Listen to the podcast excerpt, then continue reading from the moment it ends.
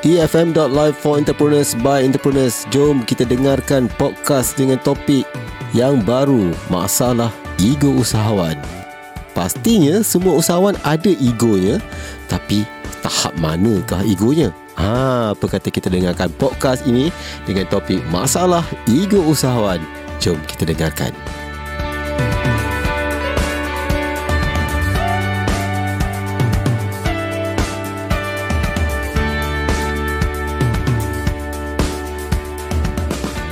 perkenalkan tetamu saya iaitu Azira binti Azman daripada Red Roses Beauty Collection. Apa khabar? Hai, khabar baik. Assalamualaikum. Hai, aku salam. Okay. Okey, selamat datang ke EFM. Ya, Alright, okey, nak panggil apa ni? Azira, Zira atau macam mana? um, Azira. Azira. Okey, yeah. Azira. Red Roses Beauty Collection ni sebenarnya uh, apa sebenarnya bisnes Red Roses Beauty Collection ni? Buat baju ke, jual baju ke ataupun apa dia? Um, um, kami ada menjual pelbagai mm-hmm. handbag, tudung, mm-hmm. jubah. Mhm. So, main dia punya jualan tu adalah necklace shawl. Okey. Uh, mm-hmm. Necklace shawl tu adalah keluaran saya sendiri. Okey. Design saya Mhm. sendiri mm-hmm. yang saya pakai sekarang ni. Hmm, cantik. Uh. Ha. Uh, tu dah. Uh, Kalau yang tak nampak tu cantik-cantik. Saya sendiri puji cantik. Cantik lah tu. Okey. uh, so, um, Dah berapa lama bisnes ni? daripada 2013. Oh, lama dah. Hmm. Ha, dari waktu tu sekarang umur berapa? Sekarang umur 25. Wow. Maknanya dah uh, 2013 lebih kurang dalam um, sempat mm, dah lebih kurang 8 tahun. Mm, Hmm. Betul? Hmm. Kan 8 tahun Enam dalam tahun Ha, macam tu. Ah, enam tahun. Uh-huh. Saya salah kira. Itulah tak ada kalkulator. Okey, enam tahun uh, dalam buat bisnes ni. Yeah. Ya. Maksudnya daripada umur uh, 19 tahun. Ya, lebih kurang macam tu. Hmm, okey. Di mana belajar ni semua? Saya belajar di uh, Giat Marah Batu Razak. Okey. Saya ambil course beauty. Mhm. Uh, dalam masa yang sama dekat uh, butik saya tu ada juga spa. Mhm. Uh, so sambil tu kita orang buat dua kerja lah. Oh, Ah, okey. Jualan uh, tudung dan uh, servis spa lah. Mm-hmm. Jadi Hmm. uh, selama enam tahun berniaga tu di uh, apa ni dalam bidang ni ada kedai Hmm, ataupun ada. buat secara online. Uh, permulaannya memang saya bermula daripada kedai. Okey. Baru buka online. Mhm. Uh, saya pernah gagal Okey. kerana ego Okey. yang kita ingin bincangkan kejap lagi. Alright. Okey, tapi kan uh, di mana kedainya sekarang? Ada butiknya masih lagi buat operasi? Ya sekarang saya uh, Giat Mara ada bagi saya kios. Okey. Ah. So saya bersewa di kios tu lah. di mana tu? Uh, bandar Tun Razak. Giat Mara Alright. Batu Razak. Ah. Okey, masih lagi aktif lah Ya. di apa secara online dan juga secara fizikal. Ya. Okey, alright. Sebenarnya selain daripada giat mara lah, ada tak belajar ilmu-ilmu keusahawanan di mana-mana ke? Hmm. Secara uh, formalnya. Ada? Uh, di mana tu? Cuba cerita sikit. Mungkin ramai uh, pendengar-pendengar EFM nak dengar, nak tahu kat mana belajarnya. Um, banyak ambil uh, tawaran lah. Ada yang macam-macam, macam-macam tempat. Mm-hmm. Uh, so kalau yang berkenaan dengan bisnes, semua saya akan pergilah Mhm. untuk ambil ilmu tu. Uh, Hmm. Yang disediakan oleh agensi kerajaan ataupun uh, ada juga ambil di swasta? agensi kerajaan. Agensi kerajaan mm-hmm. Alright Okay uh, Azira Okay Azira Ada egonya yeah. Ya, yeah. um, yeah, saya mengaku ada. ha, Cuba cerita sikit Macam mana ego yang Azira ada sebelum ni Atau ad, masih ada lagi ke egonya Okay, Ya, dah tak ada dah sebab belajar kan pergi Aha. kelas-kelas semua so mm-hmm. tak perlu ada ego tu sebenarnya mm-hmm. tak kisah kita ni siapa mm-hmm. so kita kena banyak belajar mm-hmm. uh, ego saya sebelum ni sebab saya tak nak cari pengalaman Mm-hmm. saya terus nak berniaga terus Terus nak buka uh, kedai terus nak buka kedai mm-hmm. sebenarnya saya tak ada ilmu tu mm-hmm. uh, tapi saya beranikan diri juga mm-hmm. uh, so saya gagal Mm-hmm. um, pada 2014 saya gagal Tutup kedai tutup kedai Okay Oh, sedih so, Ah uh, memang sedih so daripada 2014 tu saya online sahaja. mm-hmm. So 2019 ni baru saya nak buka kedai balik semula. Mm-hmm. Uh, kedai saya akan buka dekat Bandar Mangkota Ceras. Mm-hmm. Butik saya mm-hmm. akan buka sendirilah butik saya di Bandar Mangkota Ceras. Okay Bermakna waktu ego tu Menguasai diri lah kan Mhm. mm-hmm. Berapa agaknya habis Belanja modal semua tu Hmm, lebih 100k. Wow, Ah. banyak tu. Ha, boleh pergi shopping, boleh pusing satu dunia. Betul. Kan? Ha, jadi macam mana boleh tersedar yang ego apa ni Azira ada ego tu boleh tersedar alamak aku dah silap tak nak dengar cakap orang ke macam mana bila tersedarnya tu Selepas atau ada tak orang tegur sebelum Ya, yeah, tu uh, sebelum tu tak ada orang tegur. Mm-hmm. Tapi bila dah macam dah agak down, mm-hmm. saya jumpa dengan cikgu saya, mm-hmm. minta dia bagi pendapat macam mana. Mm-hmm. So dia suruh saya pergi kelas-kelas lah mm-hmm. untuk cari ilmu tu macam mana nak uruskan perniagaan semua. hmm So baru saya macam oh okay. baru sedar, Baru sedar benda kat tu situ. Ya. ada kesilapan dia kena ilmu tu kena cari dulu kan Betul. Uh, sambil tu kenalah mendengar juga cakap orang ataupun yeah. uh, pakar-pakar ataupun uh, mentor kita untuk betul. kadang-kadang yalah uh, benda lubang yang di depan tu kita jangan masuk hmm. kan tapi kalau kerana ego kita kita redah juga Ha, sebab kadang-kadang ada orang cakap "Hmm, tak apa janji gagal dulu hmm. kan lepas tu kemudian lah nak cerita kan ha, sebab egonya ada alright mungkin ada orang kata ego juga boleh buat kejayaan betul ke setuju hmm. tak Azira Kurang setuju. kurang setuju. Yeah. Ya. Okey, sebab yalah kenapa? Kenapa tak setuju? Kadang-kadang ada orang kata sebab ego saya lah saya berjaya. mm, bagi saya tak Mhm. sebab mm. kadang-kadang ego ni boleh buat kita jadi macam mana nak cakap eh Mhm. tak boleh lah bagi saya tak okey mm-hmm. so sebab s- kita tak tahu tentang sesuatu benda tu so mm-hmm. Mhm. kita kena menanya orang mm-hmm. mencari ilmu tu Mhm. Okey. ah macam tu lah Alright. Uh-uh. So jadi Azira sendirilah dalam proses untuk belajar uh, untuk mengatasi ego tu, apa halangan yang Azira hadapi? Ada tak macam cuba buang sikap tu tapi tak berjaya? Ada tak halangan-halangannya? Hmm, tak ada halangan tu tak ada Mhm. mm-hmm. Cuma tak tahu cara tu sahaja Halangan Okey. tu tak ada Tak ada Ah, halangan tak lah. ada halangan So akhirnya berjaya terus tutup kedai buat online. Ya. Okey, lepas uh, dah naik apa buat online tu mula nampak hasilnya. Ha, baru nampak hasil dia Lepas tu uh, Mara ada bagi kios kan mm-hmm. Untuk uh, buka kios mm-hmm. So peluang saya buka kios dekat situ Ramai customer yang boleh walk in mm-hmm. ha, Dari situ Sebab itulah saya akan buka bulan 3 ni InsyaAllah awal bulan 3 mm-hmm. Akan buka butik tu Hmm, berapa hmm. modal mo- uh, butik ni pula?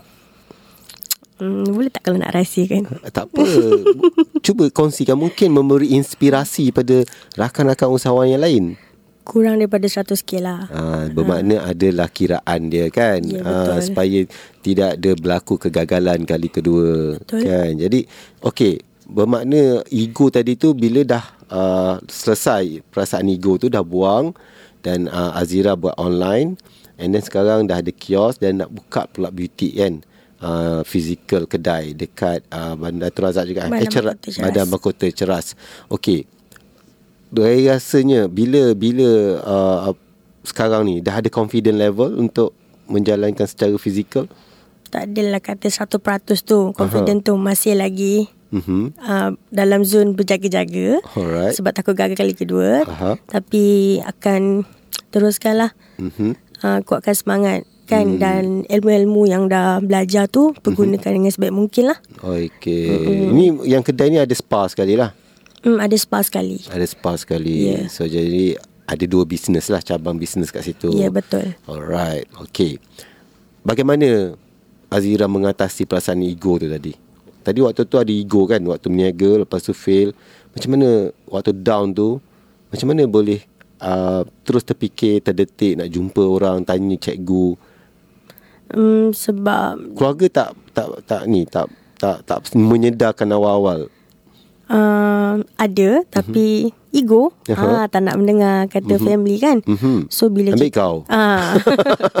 so bila dah, dah terduduk tu barulah macam minta tunjuk guru lah kan Okey. jumpa minta pendapat macam mana. Mhm. Sebab family pun cakap rujuk pada cikgu balik lah macam mana. Hmm, pada mentor kan. Ya betul. Alright. So jadi lepas tu lepas bila dah dah dah cikgu bagi nasihat, Bagi nasihat, suruh pergi kelas-kelas Mhm. kan business punya. Ah, so saya pergilah. baru sedar. Ah, baru Dapat tersedar. ilmu tu banyak Ya, sebenarnya betul. yang kita tak tahu. Ya betul. Ah, baru tahu oh nak buka kedai ni macam gini rupanya. Ya.